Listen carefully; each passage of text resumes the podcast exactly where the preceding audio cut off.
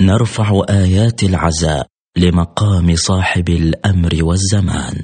عجل الله فرجه الشريف في مصاب جده الإمام الحسين عليه السلام. شبكة المنير. تقدم لكم محاضرة سماحة الحجة. السيد منير الخباز. دام عطاؤه في الليلة العاشرة من شهر محرم الحرام لعام 1439 للهجرة النبوية. بعنوان نبضات الإيمان والولاء في حروف سيد الشهداء عليه السلام. وذلك بالمنتدى الإسلامي في أمريكا. صلى الله وسلم عليك يا رسول الله. وعلى أهل بيتك المنتجبين يا ليتنا كنا معكم فنفوز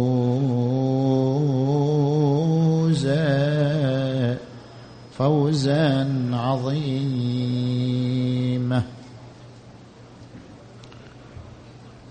قال النبي محمد صلى الله عليه وآله حسين مني وأنا من حسين أحب الله من أحب حسينا وأبغض الله من أبغض حسينا.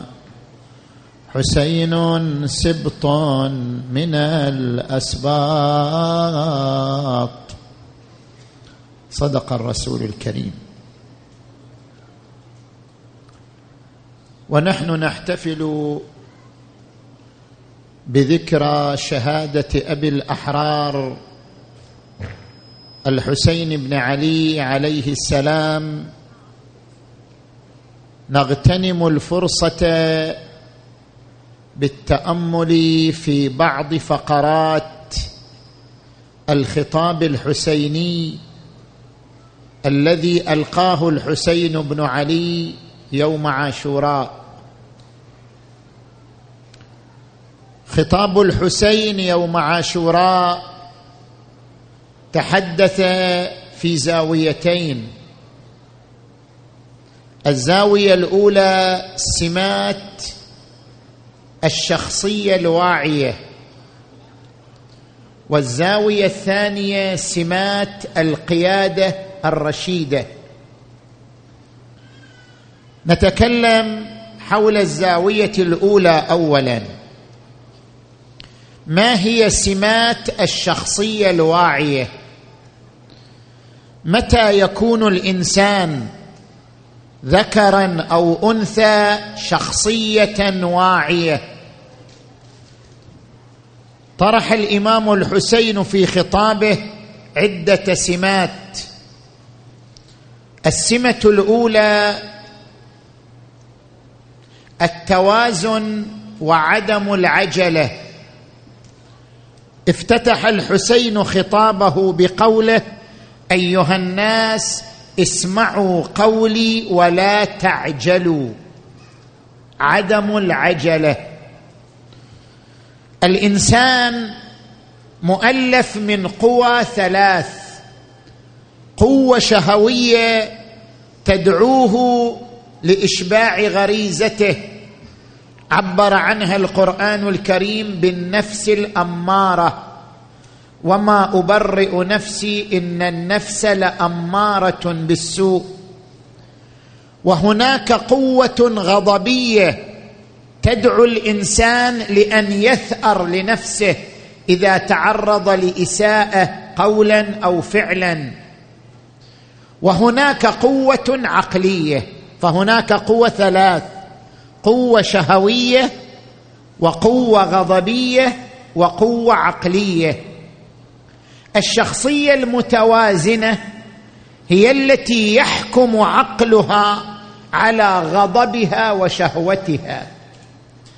الشخصية المتوازنة من كان لعقلها نفوذ على القوة الغضبية والقوة الشهوية.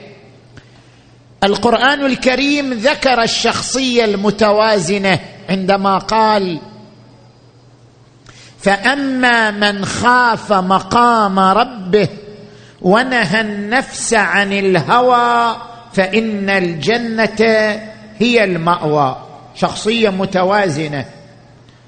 قال القرآن الكريم والكاظمين الغيظ والعافين عن الناس والله يحب المحسنين. كظم الغيظ ضبط الأعصاب شخصية متوازنة والله يحب المحسنين. اذا الشخصية المتوازنة من كان العقل حاكما فيها على قوة الشهوة وقوة الغضب.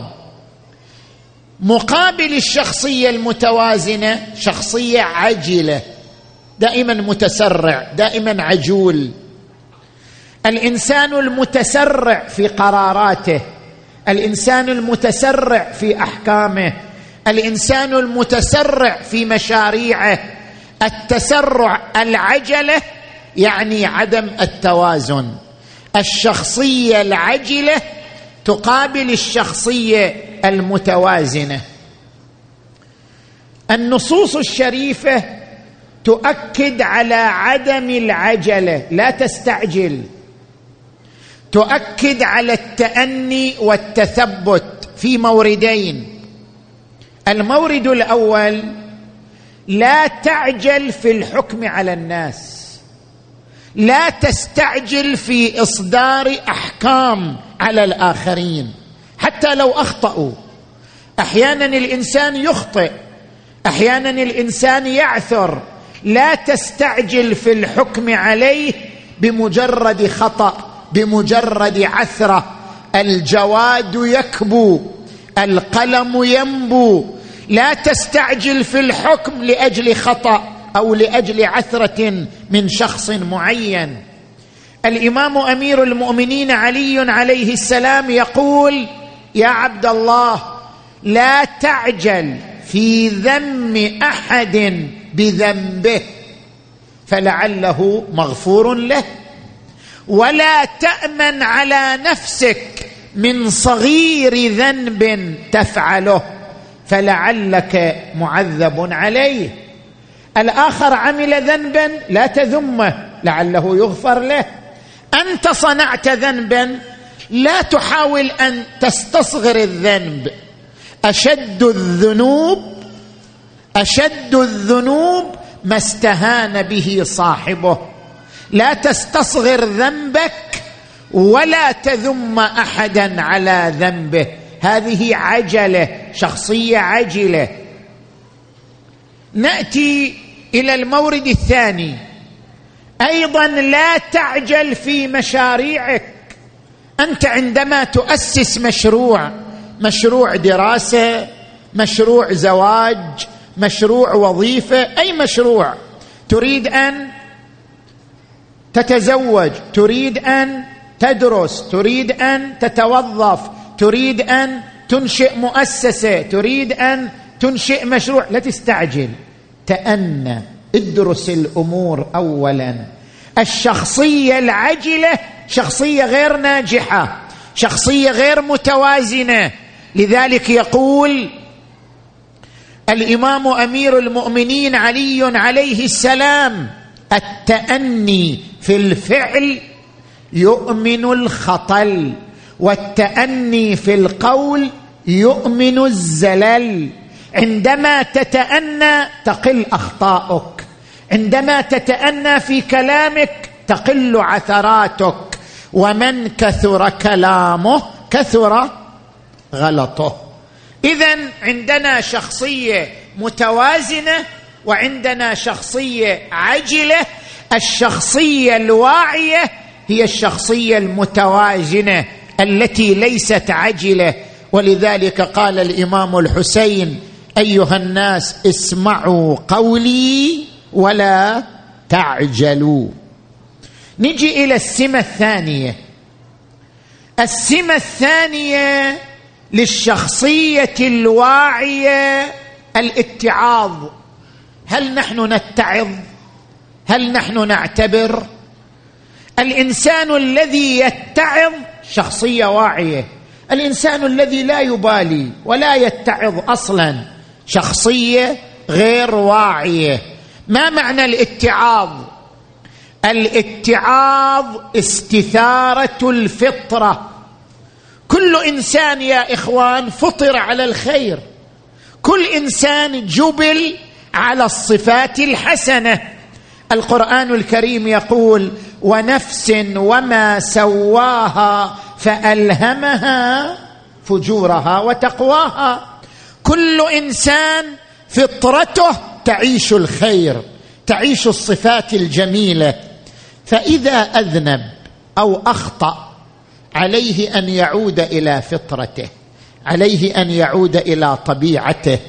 العودة إلى الفطرة اتعاظ.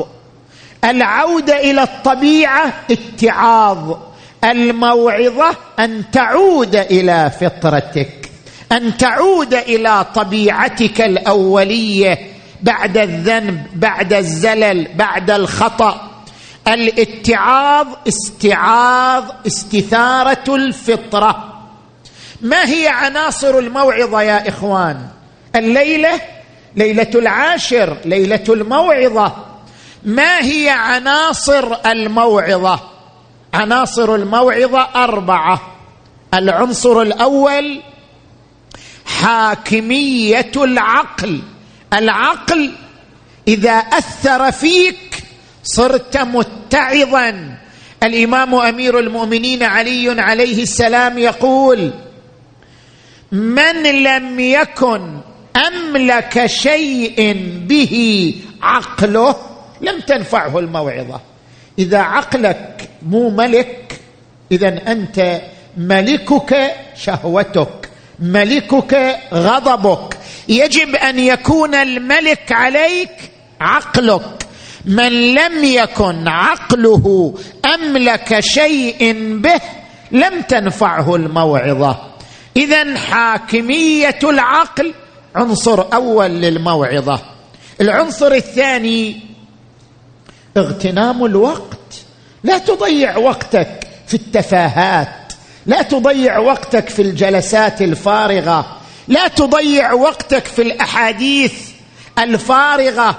حاول أن تغتنم حياتك. ورد عن النبي محمد.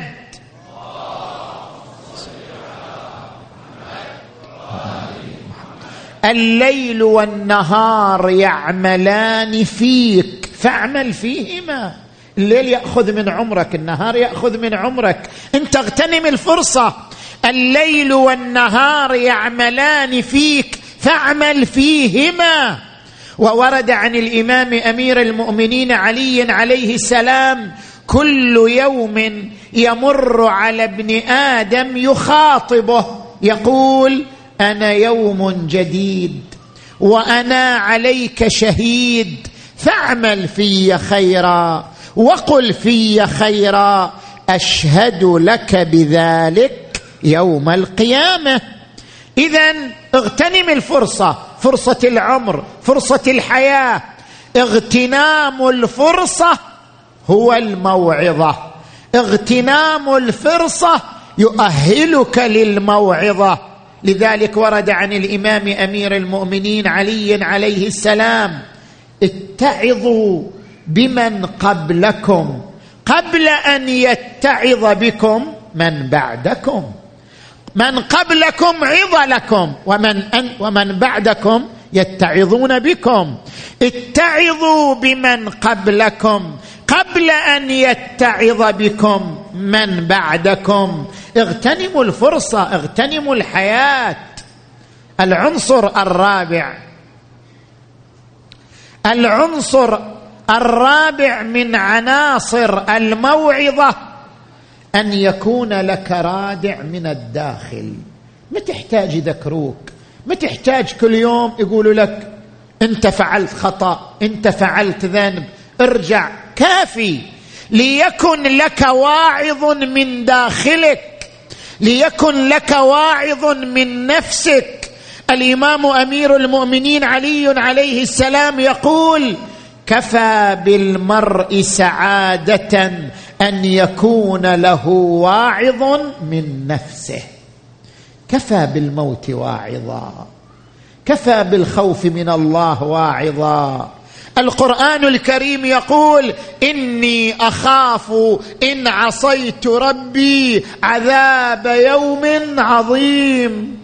هناك واعظ في داخلي يردعني عن المعصية خوفي من الله خوفي من العقوبة إني أخاف إن عصيت ربي عذاب يوم عظيم. اذا الاتعاظ سمة من سمات الشخصية الواعية. لذلك قال الإمام الحسين عليه السلام أيها الناس اسمعوا قولي ولا تعجلوا حتى أعظكم موعظة. حتى أعظكم بما هو حق لكم علي. زين. نجي إلى السمة الثالثة. السمة الثالثة الموضوعية. ما معنى الموضوعية؟ شوف إحنا نقول فلان موضوعي يعني منصف يتعامل بالموضوعية دائما. عندنا موضوعية وذاتية.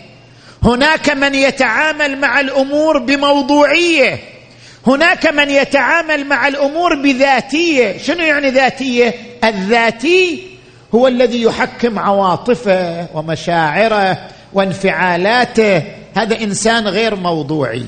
الإنسان الموضوعي هو الذي يتجرد من عواطفه يتجرد من انفعالاته يتجرد من رواسبه الشخصية.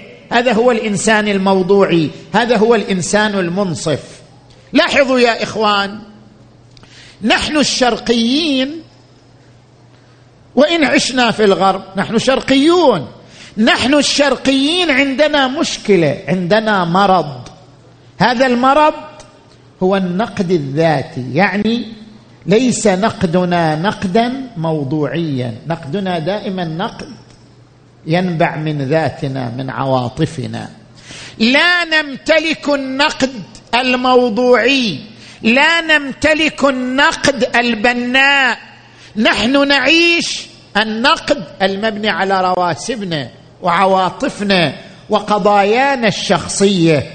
النقد البناء يعتمد على ثلاث ركائز. اولا إذا أردت أن تنقد شيء فانقد بدليل فانقد ببرهان مو بكلام هراء.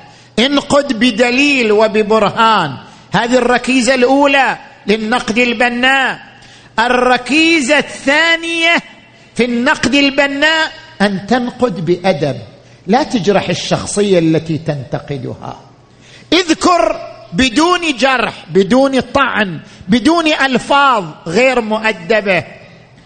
والركيزة الثالثة وهي الأهم أن تفكك بين الفكرة والمفكر. بين الفعل والفاعل. انتقد الفعل ولا تنتقد الفاعل. انتقد الفكرة ولا تنتقد المفكر.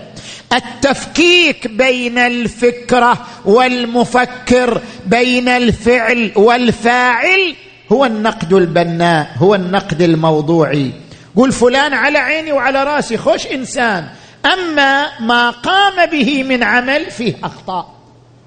فلان ممتاز أما مشروعه فيه ملاحظات فيه أخطاء. التفكيك بين الفاعل والفعل هو الموضوعية هو الإنصاف هو النقد البناء. لذلك ورد عن الإمام أمير المؤمنين علي عليه السلام الإنصاف أفضل الفضائل. أفضل الفضائل أن تكون موضوعي منصف في نقدك. لماذا؟ لأن الإنصاف له أثران. الأثر الأول ينشر المحبة. من تصير إنسان منصف الناس يحبوك. يقول هذا إنسان موضوعي منصف. الإنصاف ينشر المحبة. الإمام علي عليه السلام يقول الإنصاف يرفع الاختلاف ويوجب الائتلاف. المنصف كثير الاحباء الشخص المنصف له أحباب كثيرون. الأثر الثاني الإنصاف ينشر العدالة. إذا رآك أولادك منصف سيكونون منصفين. إذا رآك أصدقاؤك منصف سيكونون منصفين. الإنصاف ينشر العدالة ولذلك ورد عن الإمام علي عليه السلام في تفسير قوله تعالى إن الله يأمر بالعدل والإحسان. قال العدل الإنصاف والإحسان التفضل. اذا السمة الثالثة كانت سمة الموضوعية الإنصاف. الإمام الحسين ركز على هذه السمة في خطابه قال فإن صدقتم قولي وأعطيتموني النصف من أنفسكم كنتم بذلك أسعد. النصف يعني الإنصاف الموضوعية. نجي إلى السمة الرابعة. السمة الرابعة للشخصية الواعية البصيرة. هل أنت على بصيرة؟ هل أنت تمشي على بصيرة أم لا؟ عندنا بصيرة وعندنا جهالة. هل طريقي طريق بصيرة أم طريق جهالة؟ طريقي واضح أم طريقي ضبابي؟ لابد تميز بين الطريقين. هناك طريق واضح يسمى بصيرة. الطريق الذي عليه دليل عليه برهان يسمى بصيرة. أما الطريق اللي ما عليه دليل هذا يسمى طريق جهالة طريق ضبابي. لا تتبع فكرا ضبابيا. لا تتبع انسانا ضبابيا. لا تقم علاقة مع شخص ضبابي. دائما خليك واضح في قراراتك واضح في سلوكك واضح في فكرك وشخصيتك. اتبع الفكر الواضح الذي أدلته واضحة. أقم علاقة مع الشخص الواضح حتى تكون صداقتك واضحة. ادخل المشاريع الواضحة. دائما كن واضح. الواضح هو صاحب البصيرة. القرآن الكريم يذكر النبي محمدا.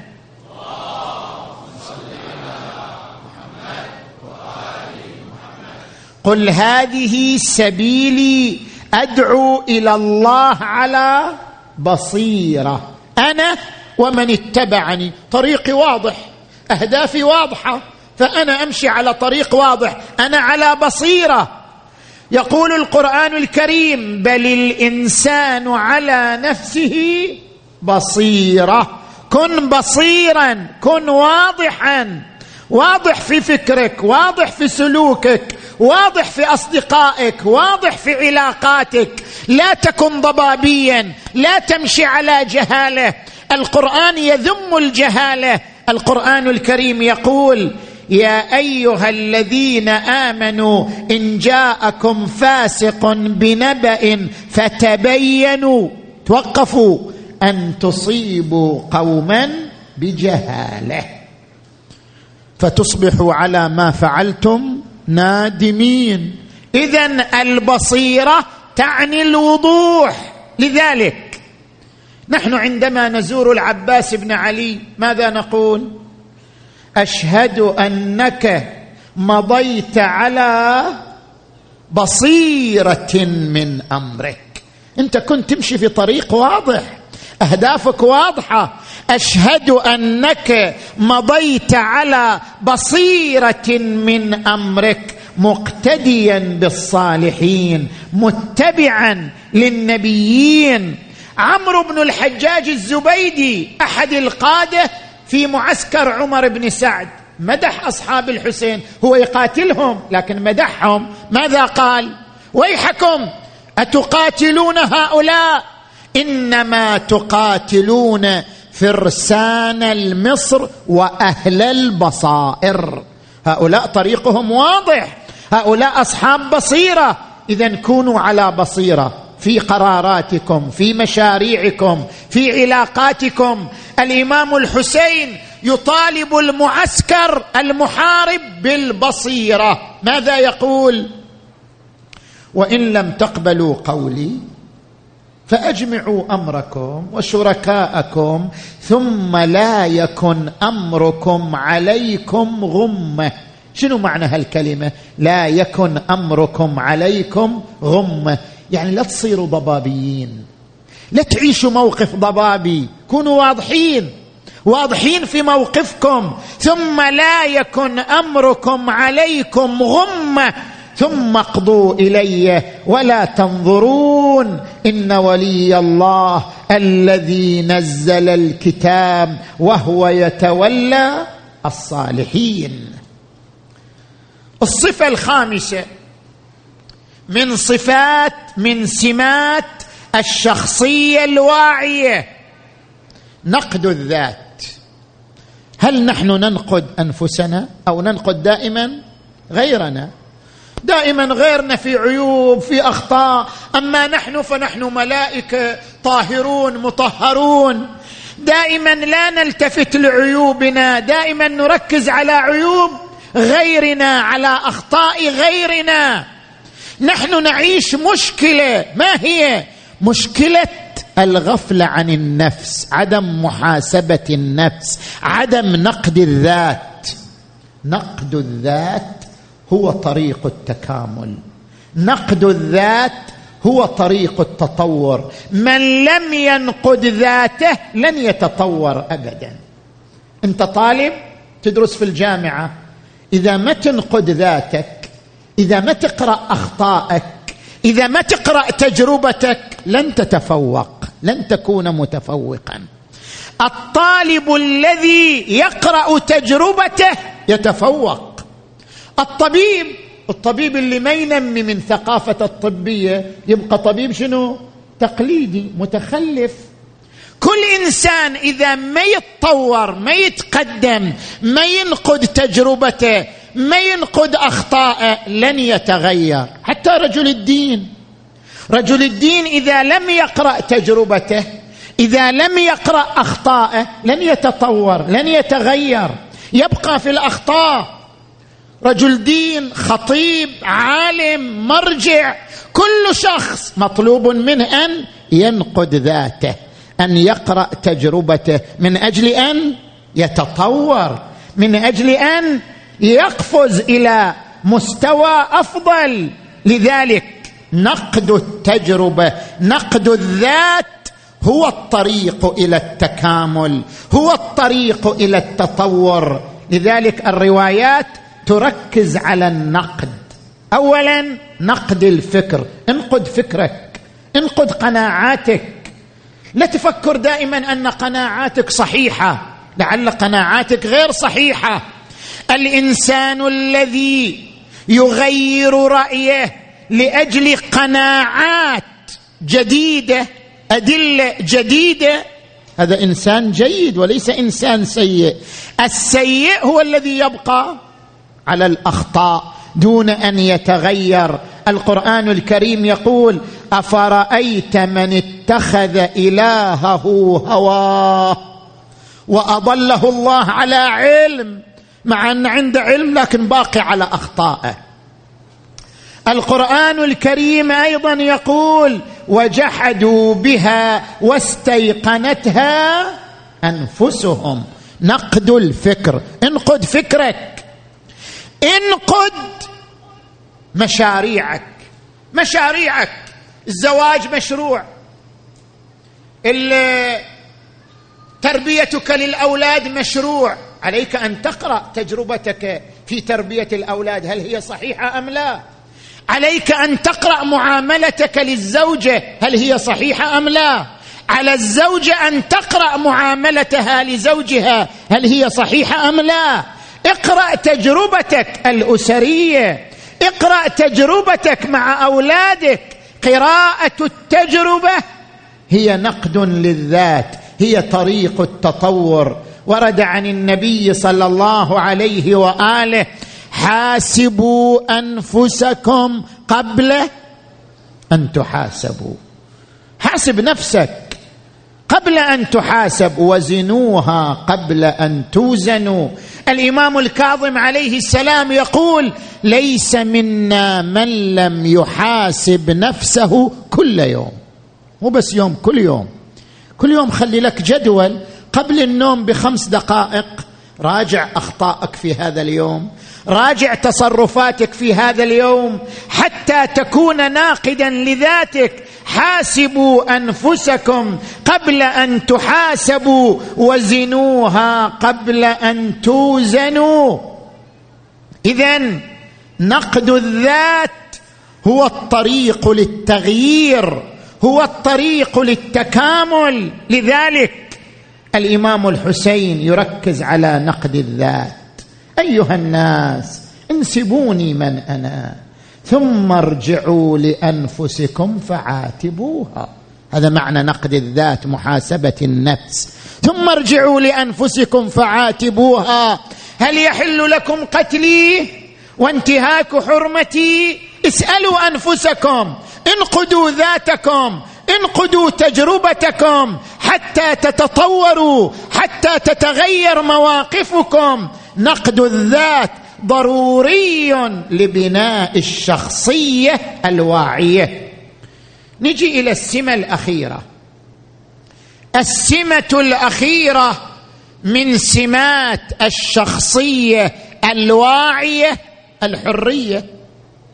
الإمام الحسين يقول إن لم يكن لكم دين فكونوا أحرارا في دنياكم. شنو يعني أحرار؟ يعني الإنسان يتجرد من الدين؟ لا. الحرية تعني الاستقلال أن تكون مستقل في قرارك. أن لا تكون ببغاء تقلد غيرك. أن لا تكون امعه كن مستقلا في قرارك. لا تكن امعه طبيعي لابد ترجع لأهل الاختصاص. انت عندك مشكلة مرضية ترجع للطبيب. هذا ما يضر بالاستقلال. انت عندك مشكلة فقهية ترجع للفقيه. هذا ما يضر بالاستقلال. الاستقلال في حياتك الشخصية في قراراتك في صداقاتك أن تكون مستقلا. هذا هو معنى الحرية.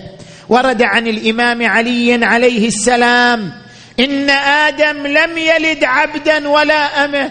من وين جت العبودية والرقية؟ آدم كان حر. إن آدم لم يلد عبدا ولا أمة.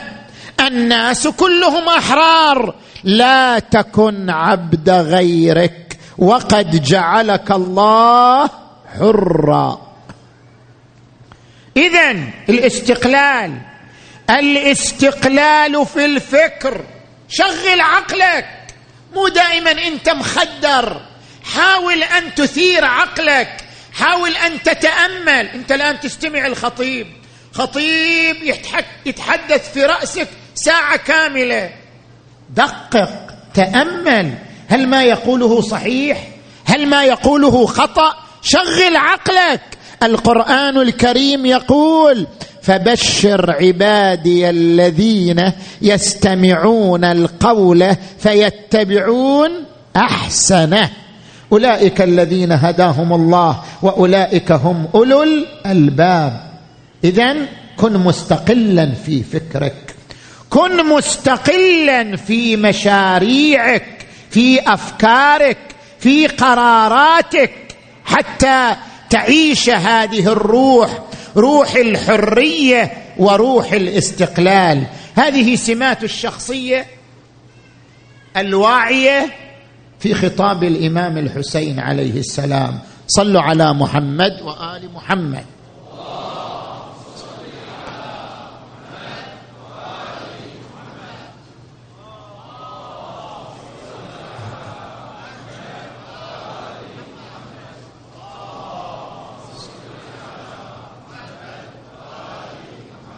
نجي الآن إلى الزاوية الثانية المستوى الثاني. الحسين يتحدث عن سمات القيادة الرشيدة. متى تكون القيادة قيادة رشيدة؟ الحسين يذكر في خطابه سمات القيادة الرشيدة. السمة الأولى الهداية. يقول حتى أعظكم بما هو حق لكم علي. الأمة لها حق على القائد. كل أمة لها حق على قائدها. حقها على قائدها أن يهديها أن يعلمها أن يرشدها. ورد عن الإمام علي عليه السلام لولا حضور الحاضر وقيام الحجة بوجود الناصر وما أخذ الله على العلماء. ما الذي أخذ الله على العلماء؟ أن لا يقاروا على كظة ظالم ولا سغب مظلوم. وقال في حديث آخر كما أخذ الله على الجهال أن يتعلموا. أخذ على العلماء أن يعلموا اذا القائد الرشيد من يبادر للتعليم من يبادر للهداية من يبادر للإرشاد حتى أعظكم بما هو حق لكم علي. هذه السمة الأولى. السمة الثانية. السمة الثانية هي الكفاءة الاجتماعية. لاحظوا يا إخوان أكو سؤال. يجيك واحد يسألك يقول لك الحسين ليش يركز على النسب؟ الحسين في خطابه يركز على نسبه. ألست ابن بنت نبيكم وابن وصيه وأول المؤمنين بالله والمصدق برسوله بما جاء به من عند ربه؟ أليس حمزة سيد الشهداء عمي؟ أليس جعفر الطيار عمي؟ ليش يركز على النسب؟ النسب ما إلى قيمة. القرآن الكريم يقول إن أكرمكم عند الله أتقاكم. ليش الحسين يركز على النسب؟ يقول ترى أنا ابن رسول الله وترى عمي جعفر وعمي حمزة وأبي علي. ليش يركز على النسب؟ ما هي قيمة النسب؟ لاحظوا يا إخوان هذه النقطة. الحسين ذكر النسب لا لأجل تقديس النسب. وإنما ذكره ليقول أنا لا أشد عن أسرتي. أنا من أسرة كلها عطاء كلها تضحية كلها فداء. فسوف أكون على خط أسرتي فسوف أكون على درب أسرتي. الحسين ذكر نسبه لكي يعلمنا أنه على هذا الطريق على هذا النمط. حمزة شهيد فأنا شهيد. جعفر شهيد فأنا شهيد. أبي علي شهيد فأنا شهيد. جدي محمد عطاء فأنا عطاء. أنا من أسرة كلها عطاء كلها شهادة فأنا على نفس الخط. لن تشذ عن رسول الله لحمته. هكذا يقول الحسين بل هي مجموعة له في حظيرة القدس تقر بهم عينه وتسر بهم نفسه. اذا السمة الثانية الكفاءة السمة الثالثة الطاقة الروحية. الحسين يمتلك طاقة روحية عجيبة. يا إخوان أنبهكم على نقطة. الليلة ليلة عاشر. ليلة العاشر مو ليلة حزن فقط ليلة عبادة. ليلة العاشر ليلة عبادة. الحسين أحيا ليلة العاشر بالعبادة. أصحاب الحسين أحيوا ليلة العاشر بالعبادة. هذه الليلة تحيا بالعزاء وبالعبادة. هذه الليلة من أفضل الأعمال صلاة الليل في هذه الليلة لأنها ليلة عبادة. اذا الحسين كان يمتلك طاقة روحية عجيبة. عبر عنها الحسين بقوله اللهم رضا بقضائك وتسليما لأمرك. علماء السلوك يقولون ثلاث درجات. في أن تصل إلى الله. أنت تريد تصل إلى الله عندك ثلاث درجات. الدرجة الأولى التوكل. أن تثق بأن الله لا يصنع بك إلا ما هو مصلحة لك. هذا يسمى درجة التوكل. ومن يتوكل على الله فهو حسبه. هذه الدرجة الأولى. عبر عنها الحسين عليه السلام بقوله إني توكلت على الله ربي وربكم ما من دابة إلا هو آخذ بناصيتها إن ربي على صراط مستقيم. الدرجة الثانية الرضا. هل نحن نرضى بالقضاء والقدر؟ لا. إذا الله يقدر علينا مصيبة نرضى؟ ما نرضى. نقول شو نسوي؟ بس إحنا مو راضين. الحسين يقول حتى تصل إلى الله عليك بالرضا أن ترضى بالقدر والقضاء. اللهم رضا بقضائك. والدرجة الثالثة التسليم. تسليم يعني شنو؟ يعني ليس لك وجود مع الله. شوفوا إحنا نقرأ هذه الآية دائما بس ما نلتفت إلى معناها. إن الله وملائكته يصلون على النبي. يا أيها الذين آمنوا صلوا عليه وسلموا تسليما.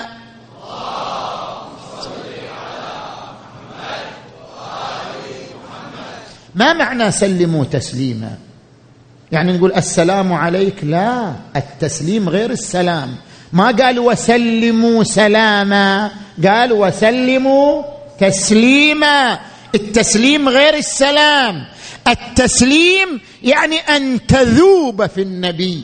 سلم عليه وسلموا تسليما. سلم للنبي تسليم يعني عليك بالذوبان في شخصية النبي. التسليم لله الذوبان في الله. ولذلك قال الحسين اللهم رضا بقضائك وتسليما لأمرك يا غياث المستغيثين. زين. السمة الأخرى من سمات الشخصية القيادية من سمات القيادة الرشيدة الصدق. القائد يتعامل مع الأمة بالصدق. القائد دائما صادق دائما مخلص. القرآن الكريم يتحدث عن ضرورة الانتماء إلى الصادقين. يا أيها الذين آمنوا اتقوا الله وكونوا مع الصادقين. الحسين يركز على الصدق عندما يقول فإن صدقتموني فوالله ما تعمدت الكذب. أنا صادق. منذ علمت أن الله يمقت عليه أهله ويضر به من اختلقه.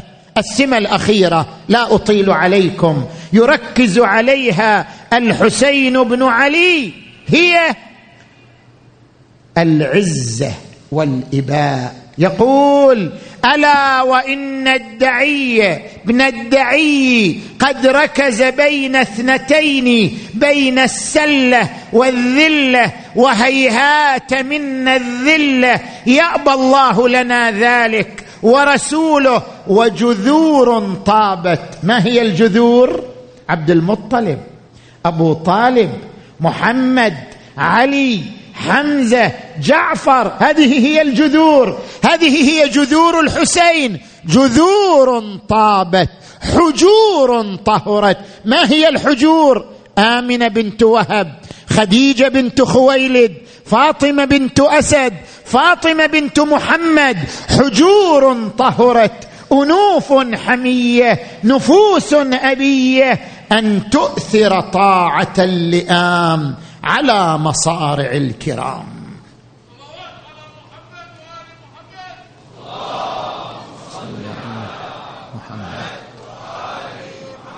الحسين رمز العزة رمز الإباء.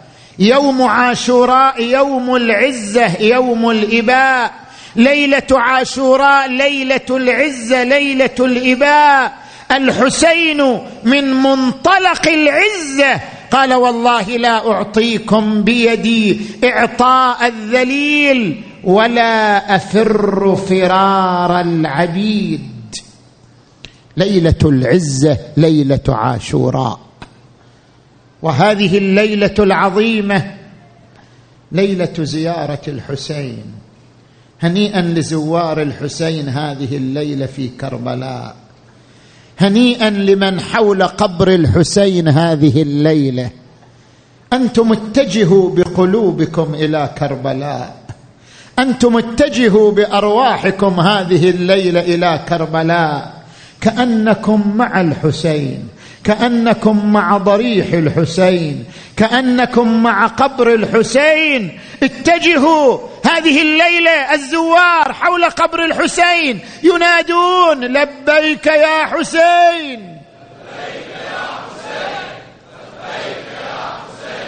لبيك نريد أن نزور الحسين كأننا معه هذه الليلة كأننا حول قبره هذه الليلة كأننا مع تلك الآهات مع تلك الصرخات نقرأ هذه الفقرة من زيارة عاشوراء كلنا بصوت واحد السلام على وعلى علي. وعلى أصحاب الحسين. وعلى أولاد. بعد مره السلام على وعلى علي. وعلى أولاد وعلى أصحاب السلام. وعلى علي. وعلى أولاد وعلى أصحاب ليلة عاشوراء ليلة الحزن والأسى. يقول السجاد كانت معي عمتي تمرضني. وإذا بصوت يقطع القلوب والحسين يصلح صمصامه برجله. ويقول يا دهر أف لك من خليلي. كم لك بالإشراق والأصيل. وكل حي سالك سبيلي. وإنما المرجع للجليل. فهمت كلامه خنقتني العبرة. لكن عمتي لم تتمالك. دخلت عليه الخيمة.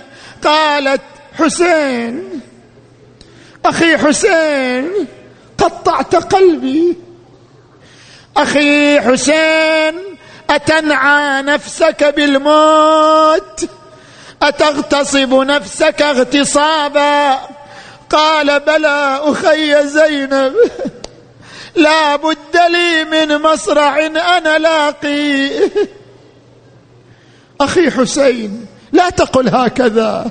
لا تذكر لي الموت لا تذكر لي النهاية. ليت السماء أطبقت على الأرض وليت الجبال تدكدكت على السهل. ومحمدا وعليا. وفاطمة وحسنا وحسين. مفجوعة مفجوعة. قام إليها الحسين وضع يده على صدرها. قال أخي زينب تعزي بعزاء الله. اعلمي أن أهل الأرض يموتون وأهل السماء لا يبقون. لقد مات جدي وهو خير مني ومات أبي وهو خير مني. لا بد لي من مصرع أنا لاقيه. أخي زينب زينب استعدوا للبلاء. واعلموا أن الله حافظكم وناصركم وجاعل عاقبة أمركم إلى خير. وعندما أصبح صباح عاشوراء رمق الحسين إلى أصحابه. قال أصحابي إن الله كتب في هذا اليوم قتلي وقتلكم فبادروا إلى الشهادة. هذه منازلكم في الجنان. هذا جدي رسول الله ينتظركم. هذا أبي أمير المؤمنين يستقبلكم.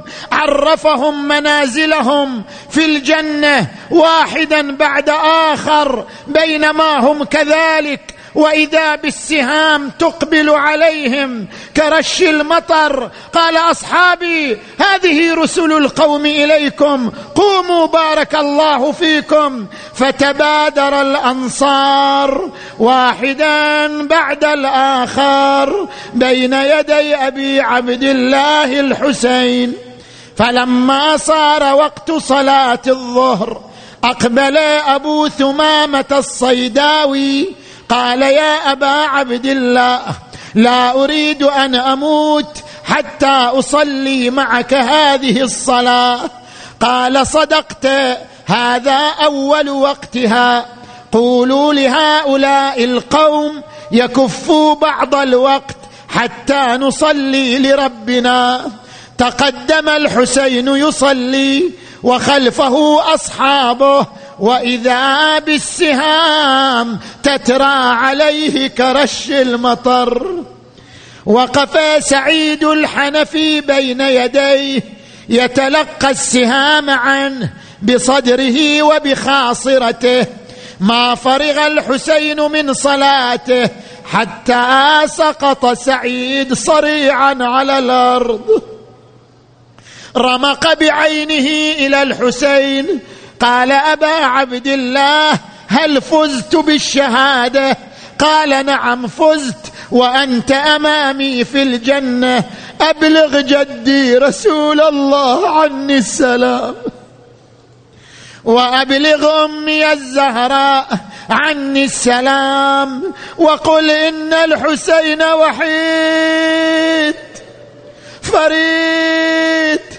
غريب بكربلاء لا ناصر له ولا معين. وحسينا وإماما. ثم قام الأصحاب واحدا بعد آخر وكان من أصحابه وهب بن حباب الكلبي وكان حديث عهد بالزواج. فلما أراد البراز إلى المعركة تعلقت به زوجته قالت يا وهب لا تفجعني بشبابك يا وهب لا تتركني أرملة. فلما أراد الرجوع قالت له أمه لا تسمع كلامها لا تطعها قم واخرج وقاتل بين يدي أبي عبد الله. ولدي وهاب أريد أن أفتخر بك أمام فاطمة الزهراء يوم القيامة. فقم وقاتل بين يدي أبي عبد الله. فخرج يقاتل حتى قطعت يده. رجع إلى الخيمة. قال اماه هل رضيت عني؟ قالت لا والله لا أرضى عنك حتى أراك صريعا على الأرض. رجع إلى المعركة يقاتل وإذا بزوجته من خلفه تحمل عمودا وتقول يا وهب قاتل دون الطيبين حسين وآل حسين. التفت إليها قال يا أمة الله قبل ساعة كنت تنهينني عن القتال والآن تحرضيني على القتال. ما الذي تغير؟ قالت يا وهب لا تلمني. واعية الحسين أحرقت قلبي. ماذا سمعت؟ يا أمة الله. قالت سمعت الحسين واقفا بين الخيمات. ينادي أمام الناصر ينصرنا؟ أما من ذاب يذب عنا أما من محامي يحامي عن حرم رسول الله. وحسينا وإمام أرجع للخيمات وقاتل حتى قتل بين يدي الحسين. أيها المؤمنون فما مرت ساعة وهدأت الغبرة إلا والحسين وحيد. دخل خيمة بني علي وجدها خالية. دخل خيمة بني عقيل وجدها خالية. دخل خيمة بني الحسن وجدها خالية. وقف بين الخيمات بالأمس كانوا معي واليوم قد رحلوا. وخلفوني بأرض الطف حيرانا. جاء إلى المعركة وقف على نشز من الأرض. نادى أخي عباس ولدي علي. حبيبي حبيب برير زهير. ما لي أناديكم فلا تجيبون وأوقظكم فلا تسمعون. أحباي لو غير الحمام أصابكم. عتبت ولكن ما على الموت معتب رجع إلى الخيمة نادى أمام الناصر ينصرنا. وإذا بالإمام زين العابدين الدين. يقول عم زينب ناولين السيف والعصا. ما تصنع بهما يا ابن أخي؟ قال أما العصا فأتوكأ عليها وأما السيف فأذب به عن والدي الحسين. فأقبلت إليه بالعصا فتوكأ على عمته وأمسك بسيفه ونادى حبيبي يا حسين. حبيبي يا حسين لبيك أبا عبد الله.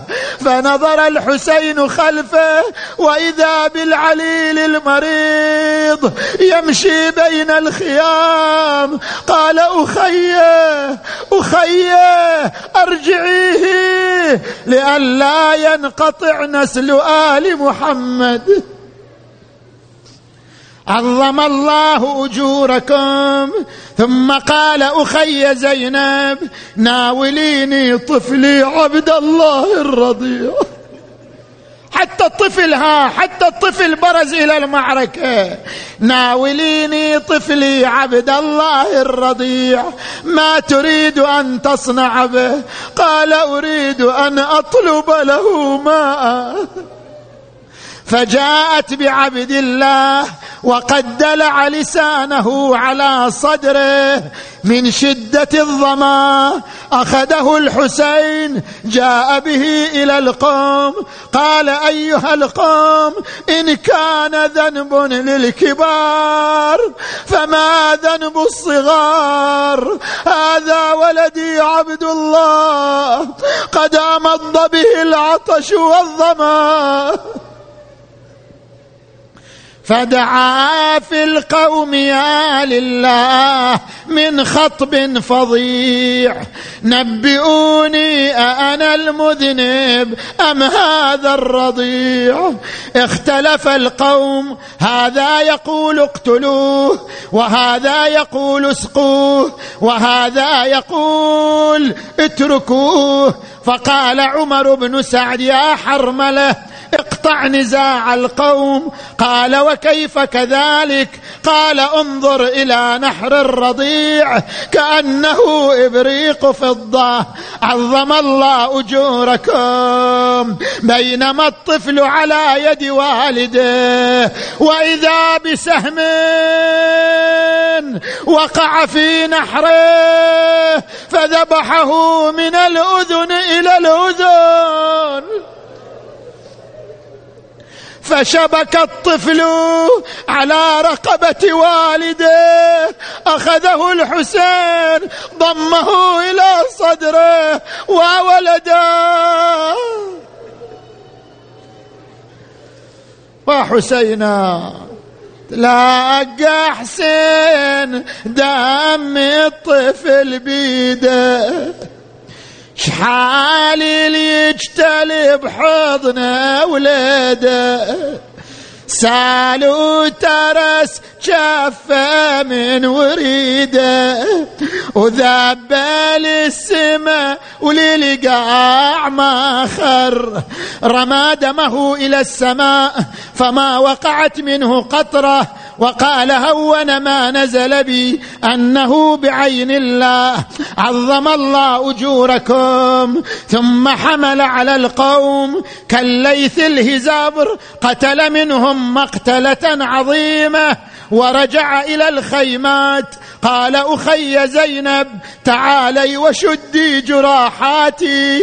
أقبلت العقيلة قالت اكشف لي عن صدرك. كشف لها فإذا الضربة على الضربة والطعنة على الطعنة والسهم على السهم. نادت وأخا.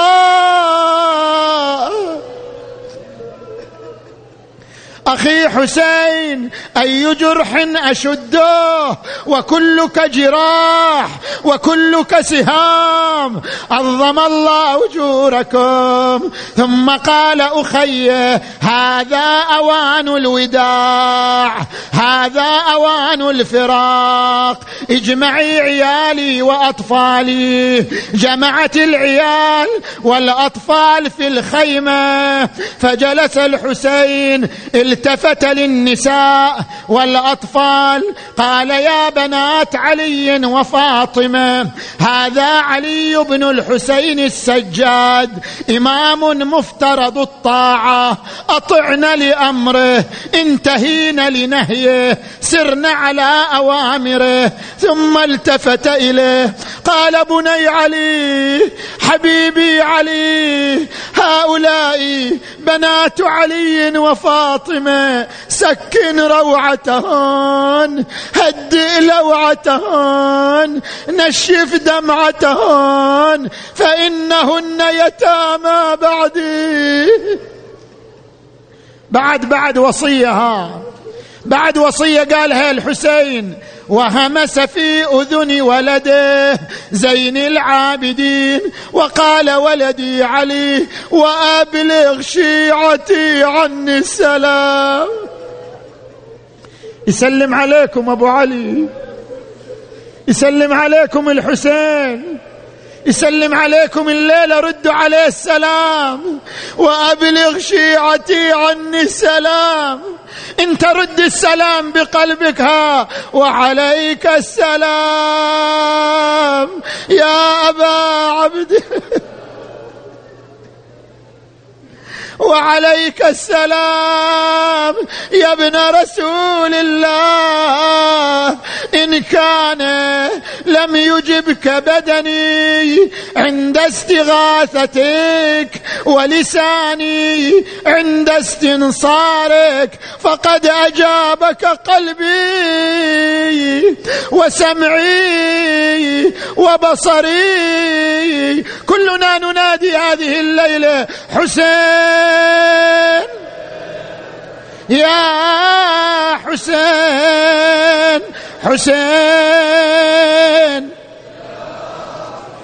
مع زينب مع سكينة حسين. حسين.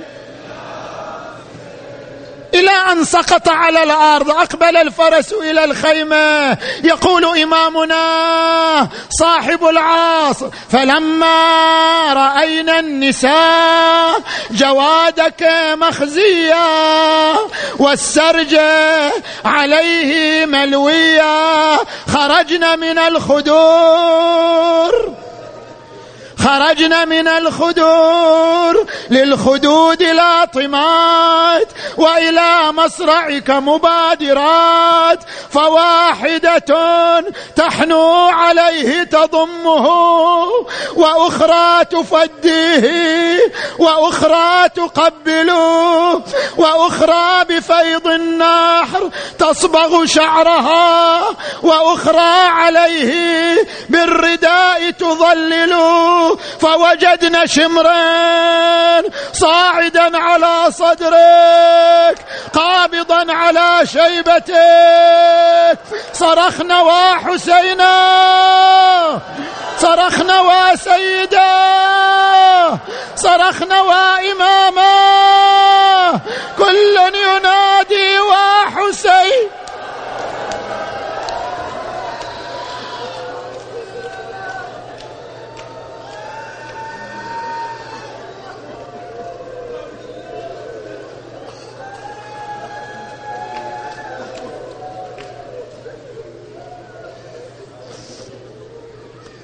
تقل تقل يا شمر بالله دي خلي. تقل تقل يا شمر بالله دي خليه وما شافه من الطبرات يكفيه تشوف يلوج يلوج ما غير النفس بيه عينه ناب يفتحها ويغمر.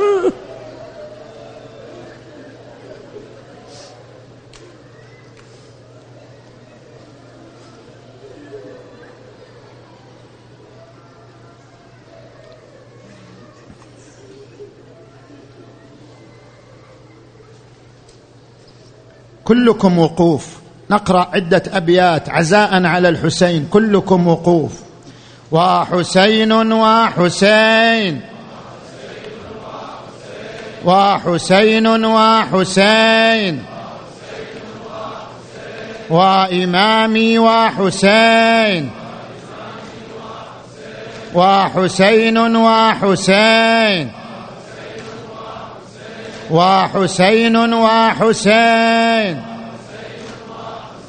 كلنا نفدي الحسين.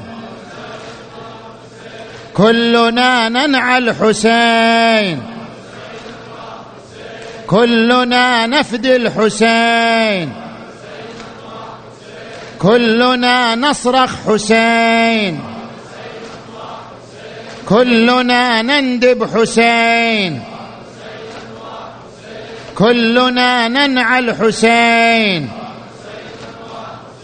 نحن أبناء الحسين. نحن أتباع الحسين. نحن أنصار الحسين. أريد أعلى لطم أعلى حتى يسمع. أريد طلطم أعلى. حرك يدك شوية ها. وحسين وحسين. وحسين وحسين. وحسين وحسين. كلنا ننعى الحسين.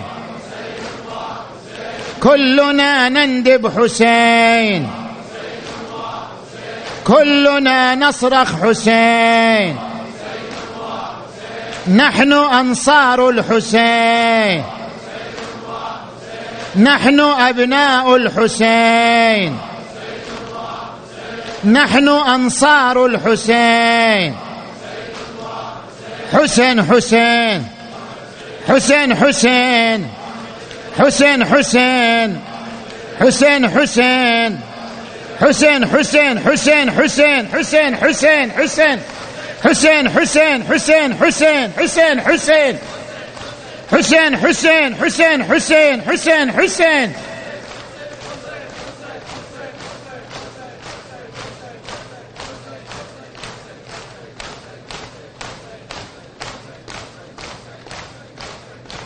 يا الله يا الله يا الله.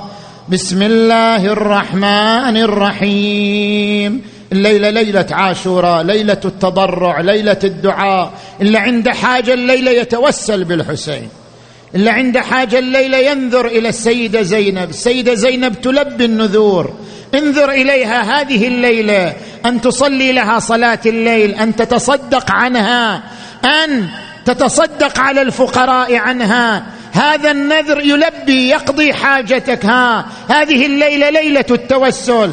بسم الله الرحمن الرحيم.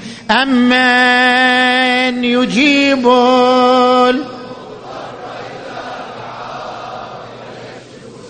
بصوت أعلى.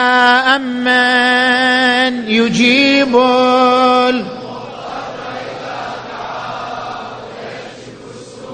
أمن يجيب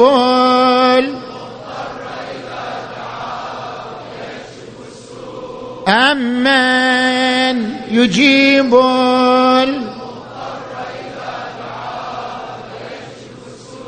أمن يجيب